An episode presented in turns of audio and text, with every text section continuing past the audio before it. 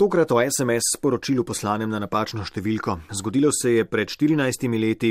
Tomaž je takrat z neznane telefonske številke prejel sporočilo z naslednjo vsebino. Ej, truplo, kdaj greva na en borovničevc? To sporočilo naj bi poslala Neža, ki pa trdi, da ga ni. Nobenemu človeku ne bi nikoli rekla truplo in tudi borovničevca napijem, tako da jaz sem vedno trdila, da tega SMS-a nisem poslala, ampak ta SMS je pač prišel na Tomaževo številko. Tomaž je omenjeno sporočilo vsekakor prejel in dejstvo je tudi, da je pred 14 leti, lahko da tudi pomotoma, odpisal prav Neži. V bistvu sem odgovoril na SMS o truplu. Ne?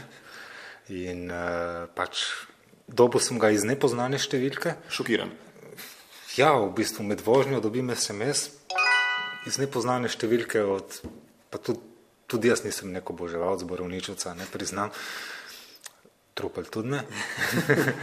In uh, pač ne vem, pol sem parkrat poskusil poklicati na to številko, ki je bila nedosegljiva in pač sem odgovoril. Uh, dobila sem SMS, ki se je glasil, uh, cel dan si že nedosegljiva, žalosten sem.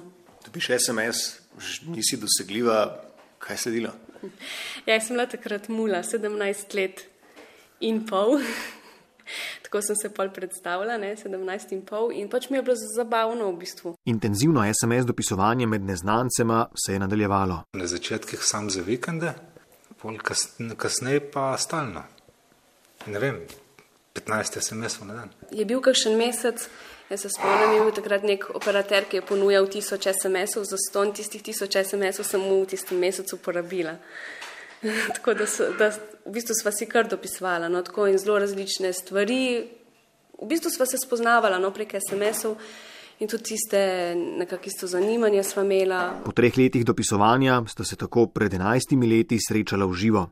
Srečanje pa ni bilo zadnje. Dopisujeta si tudi še danes, 14 let po prvem pomotoma poslanem oziroma prejetem SMS sporočilu. Ej, truplo, kdaj greva na en borovničevc? Neža in Tomaš sta namreč poročena in imata družino. Jaz vidim to tako, da, da res obstaja tisoč načinov, kako spoznaš ljudi uh, in v bistvu ni nobenega napačnega načina in tudi če spoznaš človeka prek SMS-a, lahko stvar deluje. Sprejemam namenoma poslana elektronska sporočila in telefonske klice z vašimi prigodami na nec.jemecaf na rtvslo.si oziroma nič 1 475 2202.